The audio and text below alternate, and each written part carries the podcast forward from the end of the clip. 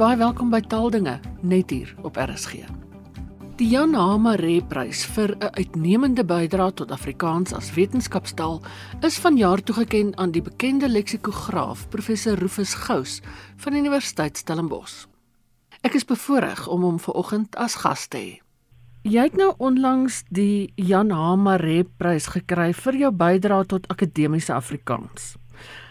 Wat beteken die prys vir jou? Ina ja, die prys beteken geweldig baie vir my om om 'n klomp redes. In die eerste plek, dit was 'n 'n volledige verrassing geweest. Ek het glad nie geweet dat ek uh, genomineerd was nie en toe Dr. Johan van Sail met die dag bel met die nuus. Ek was in Duitsland met 'n navorsingsbesoek en ek het die middag net van die universiteit tuis gekom toe hy die oproep direk na my jy kom in die veertjie ontdek. Uh dus ek waardeer dit geweldig baie. Uh dis die soort prys waarvoor 'n mens nie werk nie. Jy het dit nooit in jou versuur. Ek dink iewers gaan ek die prys dalk kry nie. Dit is gewoon iets wat na jou kant toe kom en des te meer te waardeer dis. Maar wat vir my belangriker aan hierdie prys is, dit gaan om die bevordering van Afrikaans as wetenskapstaal en as akademiese taal.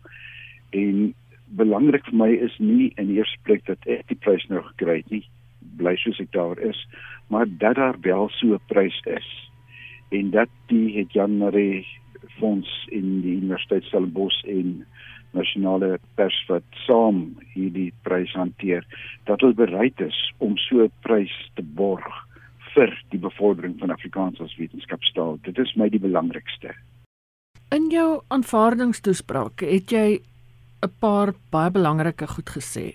Jy het onder andere gesê Afrikaans mag nie 'n linguistiese bonsai word nie. Wat het jy bedoel? Ja, mense hoor dikwels mense sê en met alle reg dat Afrikaans nie sommer sal uitsterf nie want Afrikaans sal deurgangs gebruik word omdat ons 'n sterk taalgemeenskap het en die mense sal aanhou om Afrikaans te gebruik. Dit is so, Afrikaans gaan nie uitsterf nie en Afrikaans gaan probleemloos as 'n huistaal bly voortleef. As 'n taal wat jy om die braaivleis vier en vir jou oggend en aand praatjies ensovoorts gaan gebruik.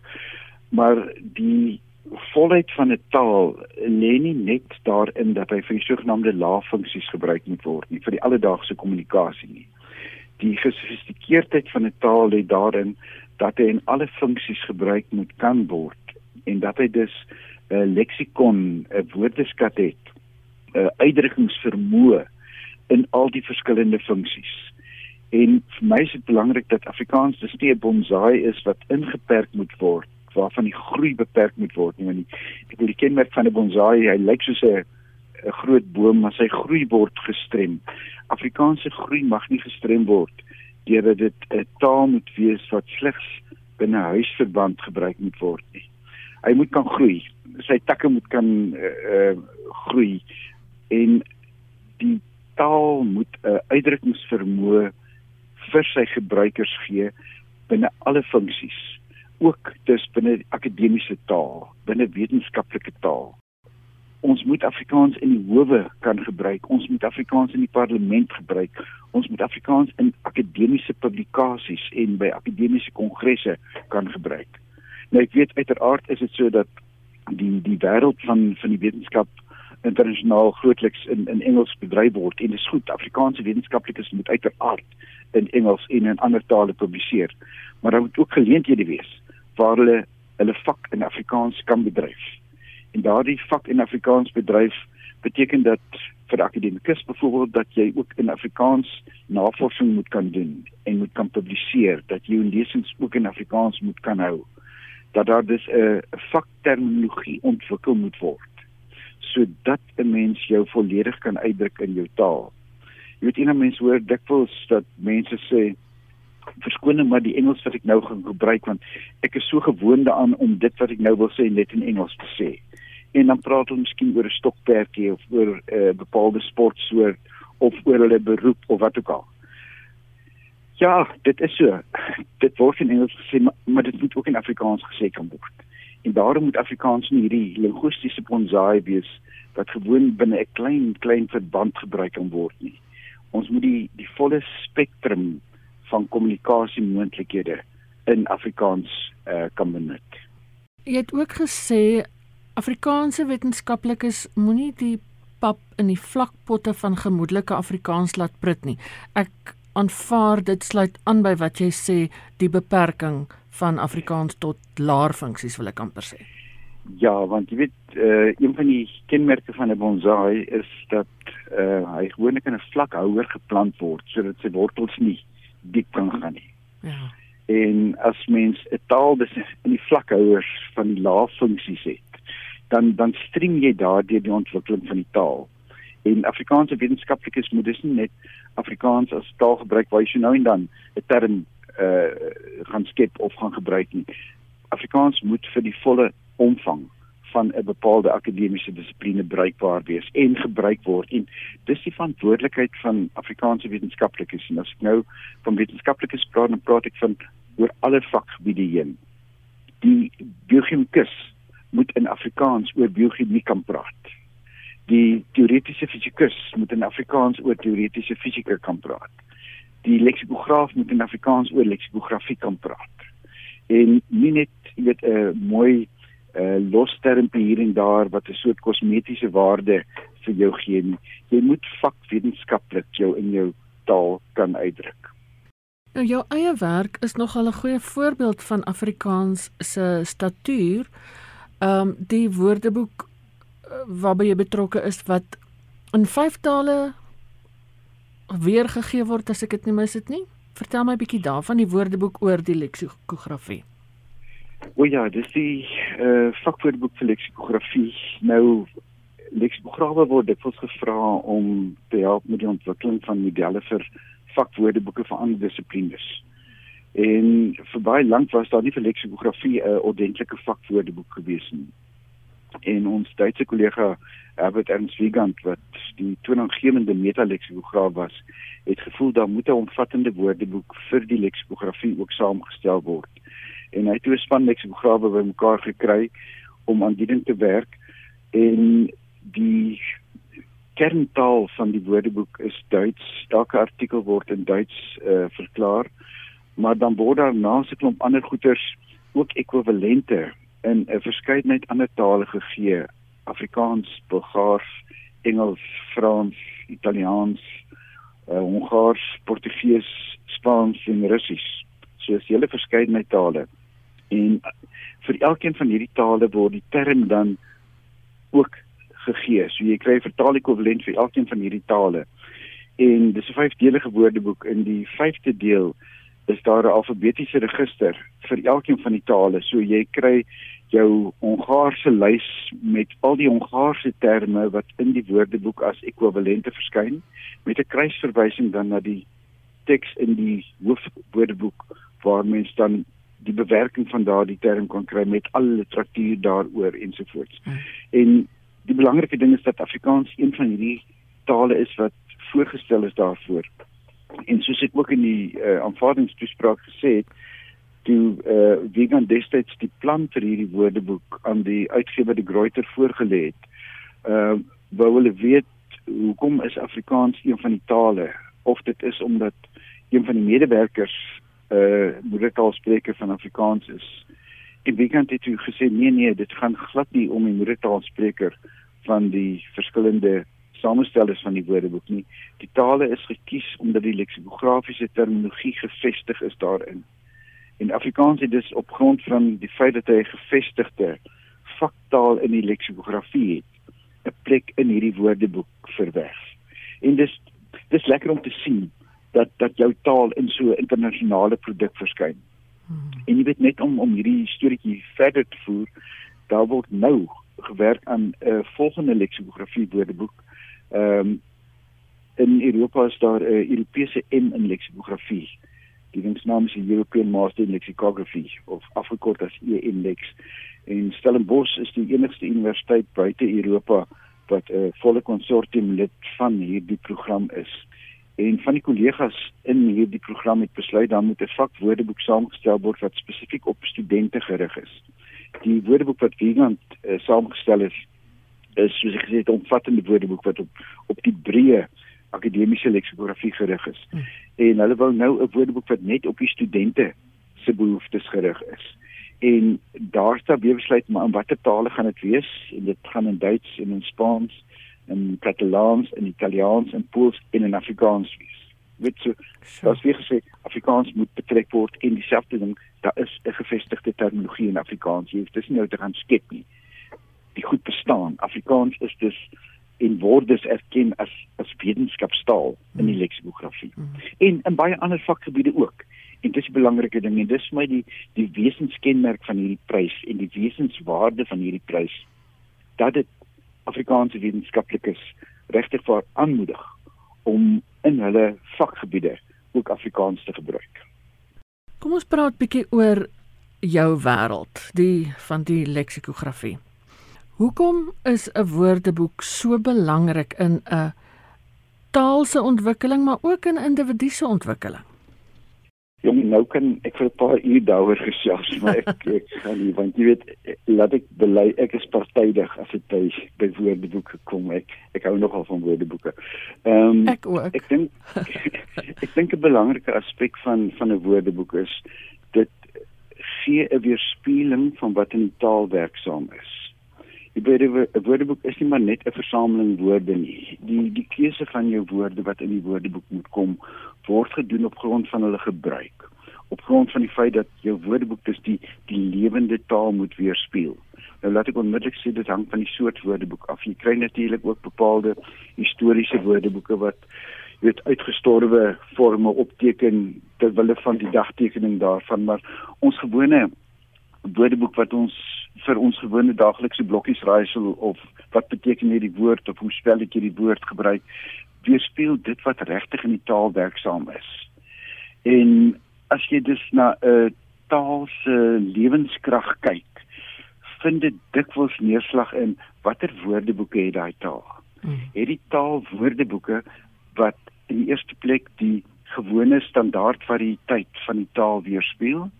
Het die taal woordeboeke wat die verskillende vakgebiede van die taal weerspieël het die taal woordeboeke wat brûe bou tussen die taal en ander tale verskillende tipes tweetalige woordeboeke.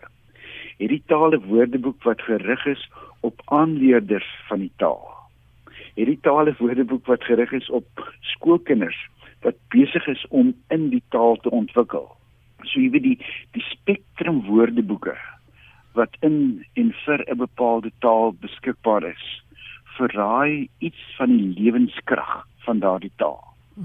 En dit is hoekom 'n woordeboek vir my so belangrik is, nie omdat dit 'n ding is waarna ek die betekenis van 'n woord kan naslaan nie, maar omdat dit vir my blyke gee van wat in die taal aan die gang is. Mens kry so dikwels deesdae dat mense die kortpad neem en sommer Google Translate gebruik. Hoekom dink jy is dit so 'n verskraling van woorde se betekenis dan? Ek het nie 'n probleem met Google en Google Translate nie, maar dit moet nie die allerantwoord vir jou wees nie. Ehm um, en terloops as ek nou oor woordeboeke praat, praat ek nie net van gedrukte woordeboeke, ek praat uiteraard ook van aanlyn woordeboeke. Ja. Ehm um, as mens 'n uh, werklike behoefte het om 'n uh, uitvoerige bewerking van 'n woord te kry, dan gaan Google Translate jou nie help nie. Jy weet as jy 'n woord in Google intik, jy gaan 'n uh, 'n klompie verklaringe daarvan kry, maar baie van daardie goed is nie gekeur nie. Dit is goed wat deur nie kundiges miskien saamgestel is. Jy is nie seker hoe reg is dit nie. Jy weet dit wat in 'n woordeboek opgeneem word, word geredigeer, word gekeur, word beoordeel en 'n mens kan in 'n redelike mate dan staat maak op wat in die woordeboek staan. Hmm. Nou uiteraard nie altyd nie. Woordeboek word deur mense gemaak en mense maak foute en woordeboeke het altyd ook foute. Maar die kans dat jy in 'n woordeboek 'n uh, gesaghebende stukkie leiding gaan kry is baie beter as wat jy gewoon by Google gaan kry. Google gaan jou help en in, in baie van die gevalle gaan die oplossing wat jy in Google kry vir jou sê ja, dis die ding. Maar dis 'n verskraling want jy kry net 'n baie klein stukkie inligting daar en jy is nie altyd seker hoe korrek is daardie inligting nie.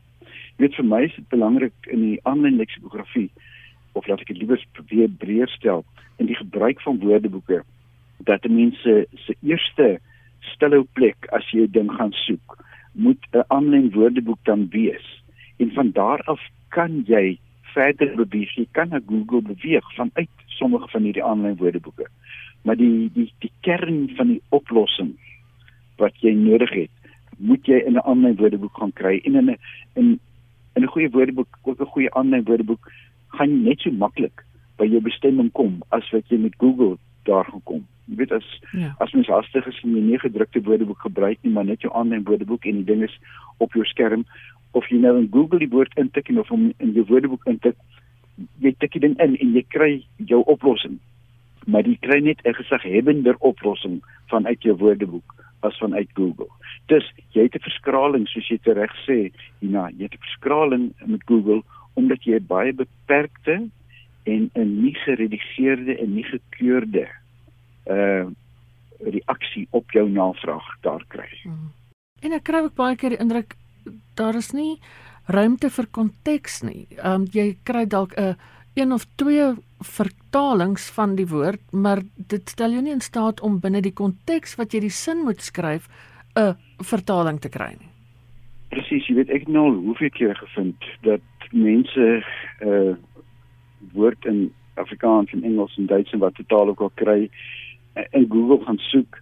Hulle kry 'n vertaling ekwivalent, maar dan is dit verkeerde ene. Ja weet daar's 'n lysie woorde wat vir jou gegee word as moontlike vertaalekwivalente en jy sê maar ini mini mini mo watter een en nou en jy jy kies een wat vir jou die mooiste lyk maar in 'n uh, woordeboek kry ons 'n wisselwerking tussen die vertaalekwivalente wat gegee word nou praat ek van 'n tweetalige woordeboek tussen die vertaalekwivalente wat gegee word en ondersteunende inskrywings wat wys hoe daardie woord in die werklike taal optree gesê 'n voorbeeldsin waarin die woord optree ja. of 'n 'n kort stukkie betekenisleiding wat sê dit is die konteks waarin hierdie woord liefs gebruik moet word of liefs nie gebruik moet word nie.